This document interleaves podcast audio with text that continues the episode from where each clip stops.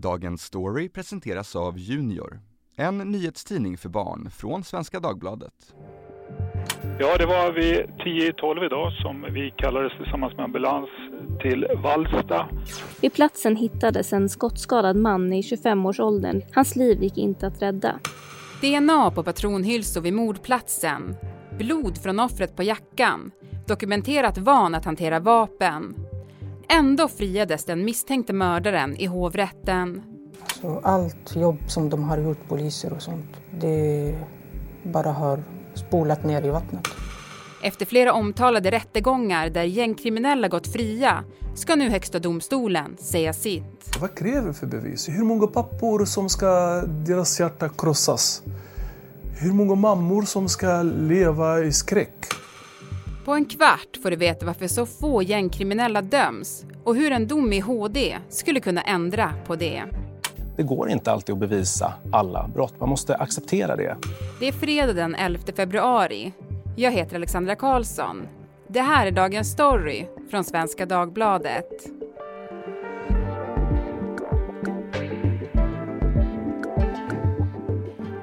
Fredrik Sjöshult, eh, krimkrönikör och reporter på Expressen.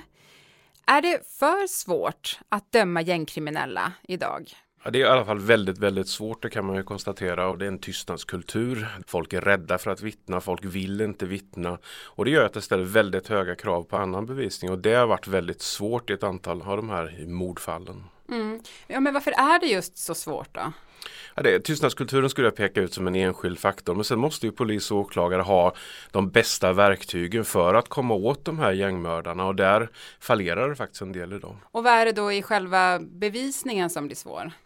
Ja, det är att få ihop det då till när det handlar om en indiciekedja som det många gånger handlar om. De här personerna erkänner ju sällan eller aldrig några mord. Då gäller det att den ska hålla och att den ska hålla, vara tillräckligt robust då för att det ska bli en fällande dom. Men så blir det tyvärr inte eh, allt för ofta. Mm. Och indicier, det är många olika bevis som man sen ska bygga en helhet kring.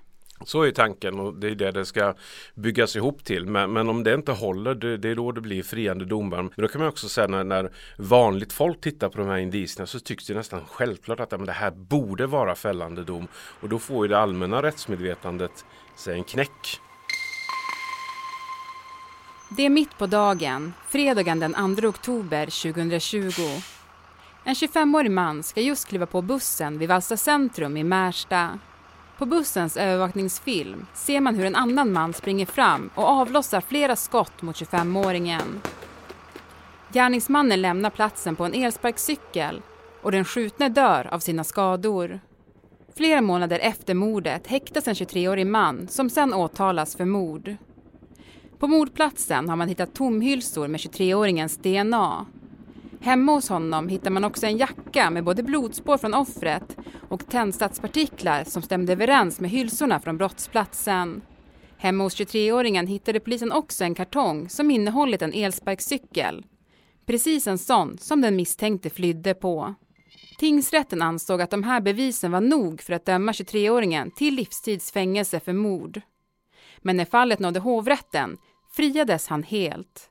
Samma bevis, men två helt olika bedömningar. Och nu ska alltså Högsta domstolen säga sitt om fallet. Om man ser på den här bevisningen så undrar nog många, tror jag, hur man kan se det på något annat sätt än att det är en skyldig person.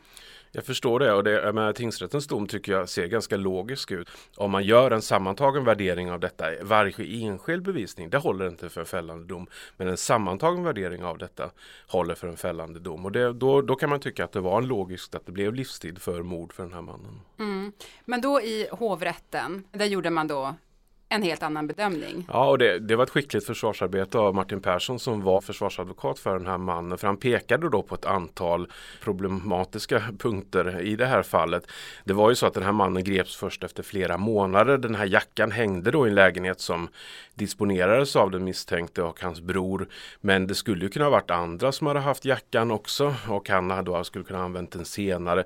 Ja, visst, de här hylsorna, de, det, hans DNA finns på dem men, men han skulle kunna ha rört dem för han rörde sig i en gängkriminell miljö. Det var ingen hemlighet och han skulle kunna ha rört dem i andra tillfällen. Han kunde ha lånat ut den här elsparkcykeln. Så på punkt efter punkt så ifrågasätter han bevisningen och det gör då att hovrätten eh, köper det resonemanget och landar då i en friande dom. Det, man kan också säga att det fanns andra invändningar som att ja, men den här personen hade inget motiv för att mörda mordoffret och det är inte ovanligt i, i vad det gäller gängmorden. Det är ofta så att man misstänker att det är utförare som hyrs in för mord och deras motivbilder är ju inte självklara utan det är ofta så att de har fått betalt för det. Men den här personen som sköts han var inblandad i olika konflikter. Han hade konflikter med andra personer man pekade på alternativa gärningsmän. Och det gjorde då att det sammantaget där i hovrätten blev en friande dom och han släpptes efter att han avtjänade ett kortare fängelsestraff för vapenbrott. Och hovrätten menar ju att det är väldigt försvårande bevisning mot den här misstänkta 23-åringen och att mycket pekar på att det är han. Men sen lyfter de ju fram det som är centralt i svensk lagstiftning, nämligen att det ska vara ställt utom rimligt tvivel att personen har begått brottet. Det ska alltså inte finnas någon möjlighet att någon annan gjort det. Och där menar de att den här bevisningen inte håller. Ja, och det är själva garanten för att ingen eh, oskyldig ska dömas för mord. Det är ju det som egentligen hela den här HD-prövningen handlar om då. Men hur höga krav ska man ställa för det?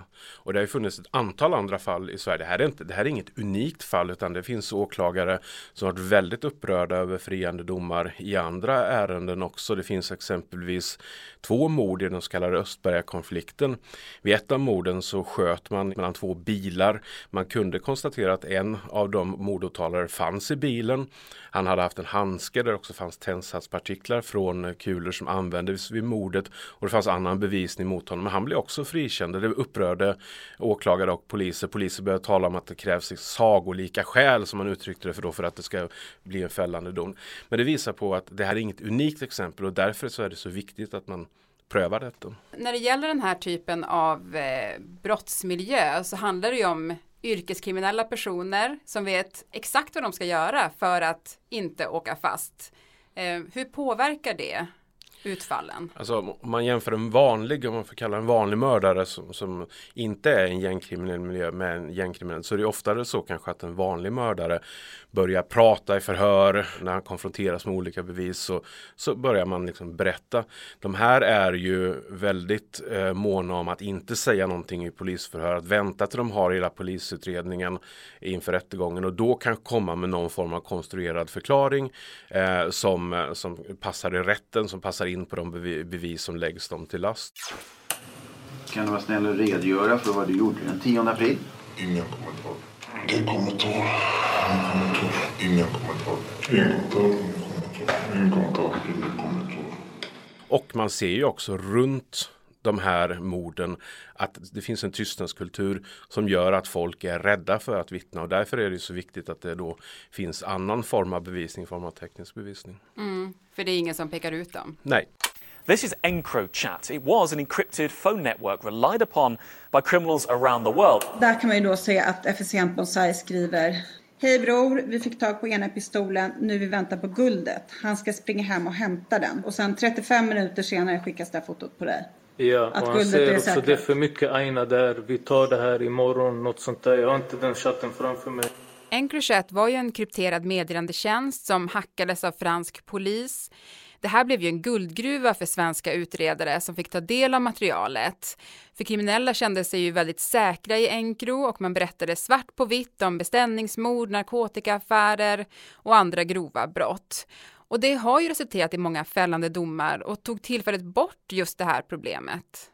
Ja, framförallt så ledde det till att i en del fall så har man då kunnat eh, slå ut hela kedjor i gängen då och även gå på topparna. Så det var ju ett väldigt ja, ett stort genombrott. Mm. Men bevisen från Encrochat kommer ju inte alltid finnas och vi har just nu flera pågående mordutredningar i gängmiljö där de här avgörande bevisen inte finns. Du sa att du hade pratat med poliser som sa att det krävs sagolika skäl eh, för att döma gängkriminella idag. Är det så illa? Man kan ju förstå att, att de här poliserna som jobbar med detta, exempelvis runt Järva och så, de ser ju att men vi vet att den här killen är den skyldige mördaren. Det blir polisiärt uppklarat som man ibland talar om. Men det är klart att det måste ju finnas en robust bevisning också för att det ska gå till åtal.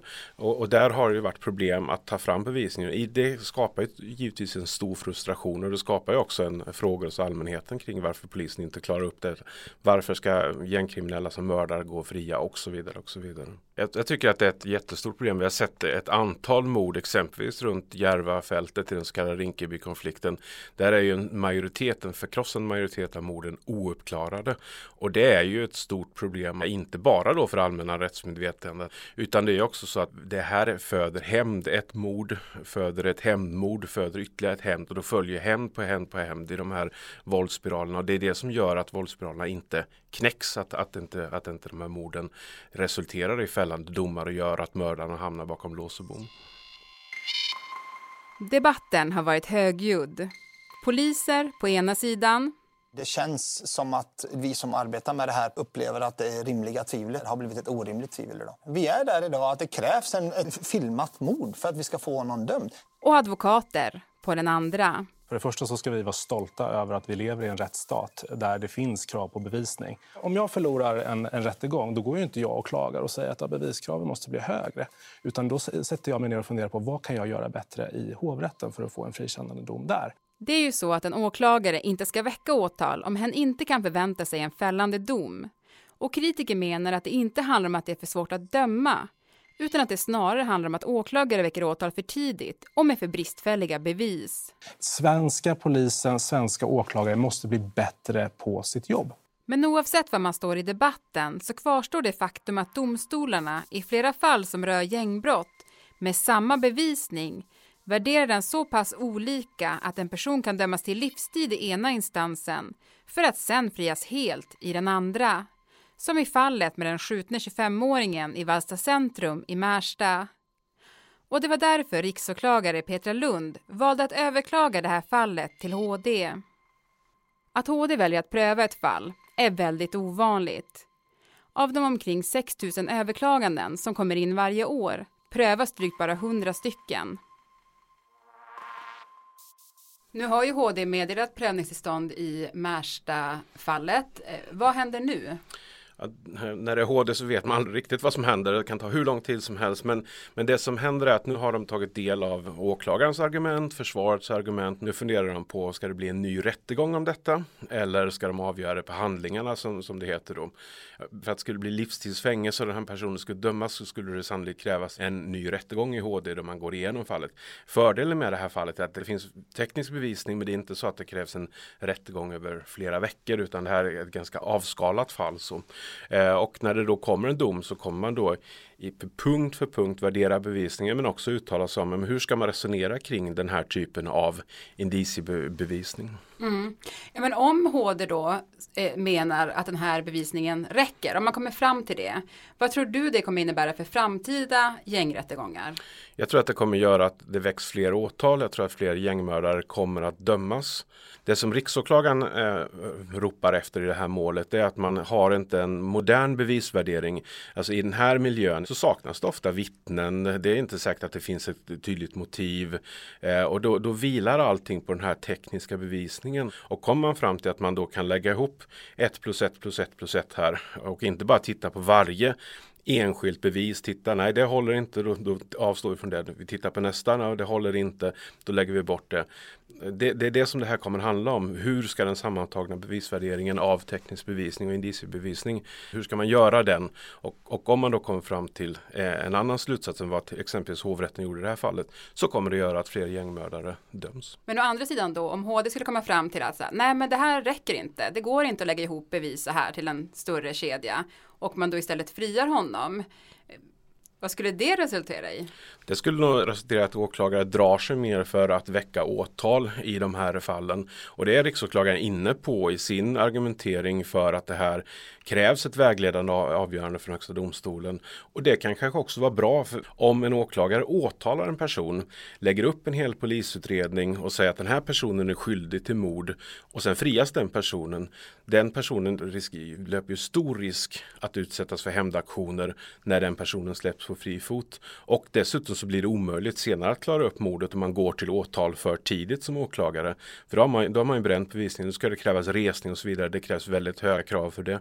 Så det gör ju att, att den här vägledande avgör att var ska gränsen gå. Det kommer ändå inte vara knivskarpt såklart, men det kommer vara väldigt viktigt. Och blir det en friande dom så kommer det bli färre åtal och möjligt att man fortsätter att utreda, utreda, utreda för att samla på sig mer bevisning innan man går till, till domstol. Mm. Ja, men till sist då Fredrik, om du får eh, spekulera, vad tror du att HD kommer komma fram till? Dels kan det vara så att man tycker att det krävs en eh, ny bevisvärdering och att man i det då landar i att, att det här ska vara en fällande dom, att vad ska vara förmodligen då livstidsfängelse för mordet eh, som riksåklagaren anser. Men det finns ju också en annan diskussion bland jurister som handlar om att eh, åklagare och poliser försöker eh, liksom flytta fram sina positioner eh, och att det kommer leda till att oskyldiga döms. Om tio år kommer vi sitta här med, med personer som har, som har dömts eh, oskyldigt. Eftersom bevisvärderingen sattes så lågt på grund av att den allmänna debatten var att fler och fler ska dömas. Och det är möjligt att HD också vill sätta ner foten kring för att sätta en ribba för vilka bevisning som ska krävas då utifrån den aspekten att oskyldiga ska icke dömas. Mm. Det är inte helt lätt den här frågan. Nej, den är väldigt svår men det är ett väldigt intressant fall som, som kommer bli väldigt viktigt när avgörandet kommer här nu förhoppningsvis under våren. Tack Fredrik Sjöshult för att du var med i Dagens Story. Tack.